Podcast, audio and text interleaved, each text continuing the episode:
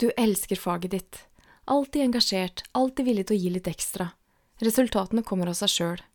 Så får du muligheten. Kunne du tenke deg å lede avdelingen? Du har aldri vært leder før, men hvem sier vel nei til en sånn mulighet? O, skrekkblanda fryd, en gang må jeg være den første. Men nå, et år inn i ditt første lederskap, er fryden borte. Skrekken er det eneste tilbake. Har du tatt av vann over hodet? Det skal vi utforske i denne episoden. Du lytter til Med hjertet for jobben, en podkast om stressmestring og arbeidsglede, selvledelse og karriere. Mitt navn er Kristin Weholt. Jeg hjelper deg med å trives på jobb, takle stress og utvikle deg i riktig retning ved hjelp av målretta coaching og forskningsbaserte online-kurs. Du finner meg på kristinweholt.no. Kanskje jeg ikke passer til å være leder. Jeg er i hvert fall nødt til å bli mer robust. Det er oppsiktsvekkende hvor raskt mange nye ledere hopper til konklusjonen om at de ikke er personlig egna til å være ledere, i det ansvaret de har tatt på seg velter innover i med sin fulle tyngde. De snakker sjelden om at de ikke har riktig kompetanse. Det er noe ved dem, noe personlig, som visstnok skal gjøre de uegna. Hver gang jeg coacher en uerfaren leder som strever med å tilpasse seg den nye rollen sin, oppdager jeg de samme utfordringene. Lederen har ikke fått opplæring i hva det vil si å være leder. Lederen er ensom og tror hun må klare alt selv. Lederen er utrygg på hva som forventes av henne og teamet hennes, og lederen er fortsatt faglig operativ og har fått lederansvaret på toppen av de faglige oppgavene sine som allerede var en full stilling. Det fins en praktisk løsning på alle de utfordringene her, og om du kjenner på stress som ny leder, så trenger ikke det ha noe med din egnethet som leder å gjøre. Alle kan forresten kjenne på stress, ikke bare ledere, og er du blant dem som opplever jobbrelatert stress, kanskje du skal få med deg webinaret mitt om temaet Hvordan mestre stress på jobb. Du finner mer informasjon og påmelding på kristinveholt.no slash webinar. Tilbake til deg som tenker på deg sjøl som ny i lederrollen og kanskje kjenner du på stress. Mye rekruttering til lederroller, typisk mellomledere, skjer gjennom intern rekruttering. Og det er flott for de ansatte i en organisasjon at det er sånn, for mange føles det som en rettferdig belønning for innsatsen og lojaliteten de har vist arbeidsgiveren sin. Og muligheter for intern karriereutvikling virker motiverende. Men likevel så går mange arbeidsgivere i en fallgruve når de rekrutterer en ny leder internt. De rekrutterer lederen basert på faglige resultater hun har fått, uten at faget hun utøver trenger å ha noe med ledelse å gjøre. Hva skjer når ledelse krever helt andre faglige kompetanser enn de kompetansene den nye lederen hittil har briljert i? Tar arbeidsgiver høyde for at den nye lederen vil trenge tett oppfølging i sin nye rolle, akkurat som at en hvilken som helst annen nyansatt trenger opplæring? Jeg holdt en gang en workshop for ledere hvor temaet var oppfølging av medarbeidere som ikke fungerer i jobben sin. Å ta fatt i medarbeidere som ikke fungerer, er en typisk hodepine for ledere i det daglige arbeidet deres. Og av nysgjerrighet så spurte jeg lederne på workshopen hvor mange av de som var rekruttert internt til lederstillingen. Ti av tolv deltakere rakk opp handa. Og deretter spurte jeg om hvor mange av de som hadde tatt seg betenkningstid før de takka ja til muligheten til å være leder. Én deltaker rakk nølende opp handa. Jeg er fullt klar over at det her ikke er statistikk du kan konkludere videre ut fra, men basert på erfaringa jeg har med både coaching og ledertreninger, så er den situasjonen her mer vanlig enn uvanlig. Når lederjobben kommer rekans ei fjøl, er det sjelden at du takker nei, og kanskje tenker du deg ikke engang grundig om før du takker ja. Noen har tillit til at du kan takle lederjobben, du er smigra, og du ønsker deg personlig utvikling. Sånne muligheter byr seg ikke hver uke. Og det er vel ikke noe å lure på, da er det vel det. Og vips, så har du havna i ledelse, heller enn å ha tatt et veloverveid valg om å bli leder. Først i etterpåklokskapens lys er det lett å se hvor stor beslutningen om å bli leder egentlig var, og hvilket alvor den beslutningen faktisk krever av deg. Ledelse er et helt eget fag, om du blir tilbudt jobben som leder for salgsavdelingen fordi du er en dyktig selger, er ikke dermed sagt at du vil bli en god leder. Å sette strategisk retning, utvikle medarbeiderne dine, drive gjennom endringer og få gjennomslag i organisasjonen for øvrig krever andre ferdigheter enn dem du brukte som selger. Betyr det at du skal takke nei til muligheten et lederskap innebærer bare fordi du ikke har formell kompetanse på ledelse? Slett ikke. Men tenk deg godt om. Det er kritisk at du forstår hva du takker ja til, så du kan be om den støtten du ganske sikkert vil trenge. Still deg gjerne de refleksjonsspørsmåla her. Hva innebærer det egentlig å ta på seg et lederansvar? Hva er det kritisk at du får til som leder? Og hvilke vanskelige oppgaver følger med lederrollen, og er du villig til å gjøre de? Nå skal jeg beskrive noen feller du kan gå i som ny leder, og de fellene er som regel en del av forklaringa på at du som ny leder kjenner på stress. Så fikk du lederjobben fordi du var faglig dyktig, og kanskje krever arbeidsmengden i teamet ditt at også du fortsatt må trå til som fagperson i det operasjonelle. Men gå ikke i den klassiske mellomlederfella og tro at du skal være like faglig operativ som før. Du har et større ansvar nå, og det er å lede avdelingen. Den største feilen du kan gjøre som leder, er å ikke lede. Fristelsen til å bare dykke videre ned i faget ditt er stor i møte med den fremmede lederrollen. I søken etter trygghet så kan du snart lulle deg inn i en forestilling om at den faglige dyktigheten din vil redde deg ut av stresset, at du leder gjennom eksempel ved å levere godt faglig. Men du tar feil. Du må rydde plass til lederoppgavene du har fått. Du kan ikke gjøre dem med venstrehånda mens du er faglig operativ med den høyre. Og kanskje vil du savne de faglige oppgavene du gir slipp på. For noen så blir savnet for stort, og de sier fra seg lederskapet sitt, og vender tilbake til faget. Det er ingen skam å snu.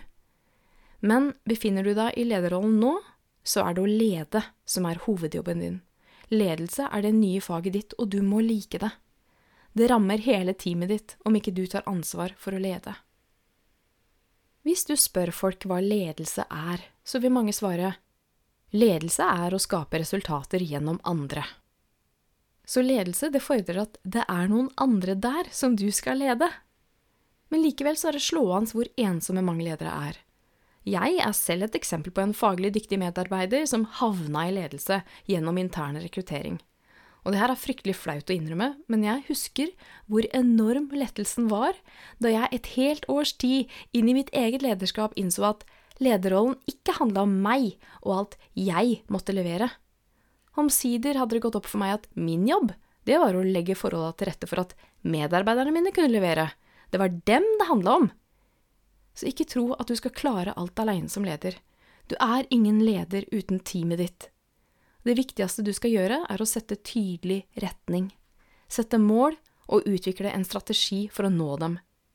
Men måla og strategien for å nå dem, det blir tydeligst for alle, og antagelig også best om hele teamet ditt får være med på å påvirke det. Og visst skal du få teamet ditt til å prestere optimalt, men det får du bare til om du er grunnleggende nysgjerrig på hvert enkelt menneske i teamet ditt. Hva kan du som leder bidra med som får hver medarbeider til å skinne? Vet du ikke det? Så spør dem, da, hver og en av dem. Er du mellomleder, så vil du og teamet ditt garantert være avhengig av andre team i organisasjonen. Ikke bare trenger du å smøre maskineriet sånn at samarbeidet med andre team går knirkefritt. Du vil stå vesentlig sterkere som leder om du benytter deg av det nettverket av ledere du naturlig tilhører. Allier deg med én eller flere ledere på ditt nivå. Møt hverandre regelmessig og diskuter utfordringer dere har. Du vil ha behov for å diskutere lederrollen med noen som står i det du sjøl står i, og sånn blir lederrollen mindre ensom, og du får tilgang på verdifull kompetanse du kan bruke umiddelbart i jobben din. Ikke minst må du bruke din egen leder for alt hun er verdt. Det er en feil å tro at du skal klare alt sjøl, som sagt. Hva forventer lederen din av deg? Hva trenger du fra henne for å kunne lede teamet ditt til gode resultater? Så du mister ikke ansikt om du går til lederen din og innrømmer at du har utfordringer. Det er hennes ansvar å lede deg til gode resultater, så sørg for at du blir fulgt opp regelmessig. Jeg gjennomfører som regel en vitenskapelig validert personlighetstest på alle jeg coacher, og testen kartlegger personlige styrker. Ironisk nok så er det ofte noen av de styrkene som gjør deg godt egnet til å være leder, som får coachingklientene mine til å tro at de er uegna som ledere. Og de lederne er gjerne sensitive for egne og andres følelser, og de scorer derfor høyt på empati. Empati er en nøkkelkompetanse i ledelse. Men det er også den følsomheten som følger med empatien, som kan få disse lederne til å tro at de er for følsomme for lederskap. Det er også typisk at de er coacher er veldig engasjert i jobben sin.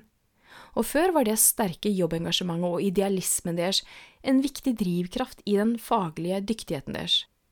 Men for mye engasjement og idealisme kan bli til stor frustrasjon i møte med alle dilemmaene og kompromissene de er nødt til å håndtere i lederskapet sitt. En del av oppgaven i coaching er å bli bevisst styrkene dine og oppdage situasjoner hvor du overbruker styrkene. Spør du meg, så vil jeg mye heller ha en følsom, engasjert og idealistisk leder enn en leder som ikke er var andres følelser, som ikke er engasjert nok til å motivere andre, og som ikke har idealer og derfor ingen visjon. Men den lederen der, den vil først trives i jobben sin når hun aksepterer grensene for ledermandatet sitt, og oppdager alle mulighetene for å utfolde seg innafor det mandatet. Når jeg ser tilbake på mitt eget lederskap, så er det særlig én ting jeg skulle ønske jeg hadde gjort annerledes. Jeg skulle tatt mitt eget stress langt mer alvorlig langt tidligere. Som leder så må du gå foran som et godt eksempel, det er du som legger de tyngste føringene på hva slags kultur dere får i teamet ditt. Ønsker du medarbeidere som trives i jobben sin, og som leverer gode resultater uten å drive rovdrift på seg sjøl, så må du sjøl trives i jobben og levere godt uten å drive rovdrift på deg sjøl. Som ny leder så hadde ikke jeg nødvendig kunnskap om stress. Jeg forsto ikke hvor grensene for sunt stress gikk, og hvor det blei usunt, og jeg var ikke kompetent nok til å tolke tegna på stress rundt meg.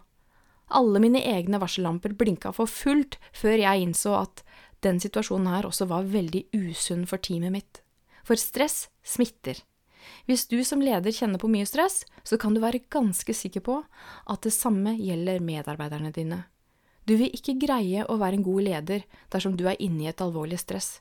Du ser ikke lenger medarbeiderne dine, du blir fjern for dem når de trenger deg, du blir utydelig, usikker og du tar dårlige beslutninger, og du havner lett i konflikter, og det er det siste teamet ditt trenger. Å være leder er et privilegium. Du får mulighet til å påvirke bedriften du jobber i, og verdien den skaper der ute i samfunnet. Du får mulighet til å utvikle enkeltmennesker og team, og legge til rette for at medarbeiderne dine har en meningsfull hverdag, prega av tilhørighet og mestring. Og ikke minst så får du mulighet til å lære å utvikle deg sjøl se arbeidet ditt i en større sammenheng og møte nye mennesker som kan ha stor betydning for livet ditt. Det er ikke alltid lett å være leder, men for at du likevel skal ha det bra og gjøre det bra, så må lederskapet gi deg mer enn det tar. Det er sunt å stille spørsmål ved hvorvidt du fortsatt ønsker å være leder med jevne mellomrom. Jeg tenker på det litt som et ekteskap. Du kan ikke ta det for gitt, og beslutningen om å bli i lederskapet må tas om igjen og om igjen etter hvert som omstendighetene skifter. For det, det vil de. og akkurat som at du ikke skal være gift under enhver omstendighet, så skal du heller ikke lede under enhver omstendighet. Om du finner ut at rammebetingelsene i jobben ikke rigger deg for suksess som leder lenger, og du ender med å si fra deg lederskapet ditt for en tid, så er det ikke sånn at du er mindre leder av den grunn. Du har lytta til Med hjertet for jobben, en podkast om stressmestring og arbeidsglede, selvledelse og karriere. Mitt navn er Kristin Weholt, og jeg er coach, kursinstruktør og karriereveileder. Vil du selv lese artikler og andre kilder jeg viser til i podkasten, sjekk shownotes til denne episoden. Og vil du lese artikler og se videoer jeg har produsert, gå til medhjerteforjobben.no. Der kan du også melde deg på nyhetsbrevet mitt og få tilgang til gratis ressurser som er relevante for stressmestring. Gå gjerne inn og rate denne episoden, og del den med en venn som kanskje også kan ha nytte av å høre denne. På gjenhør!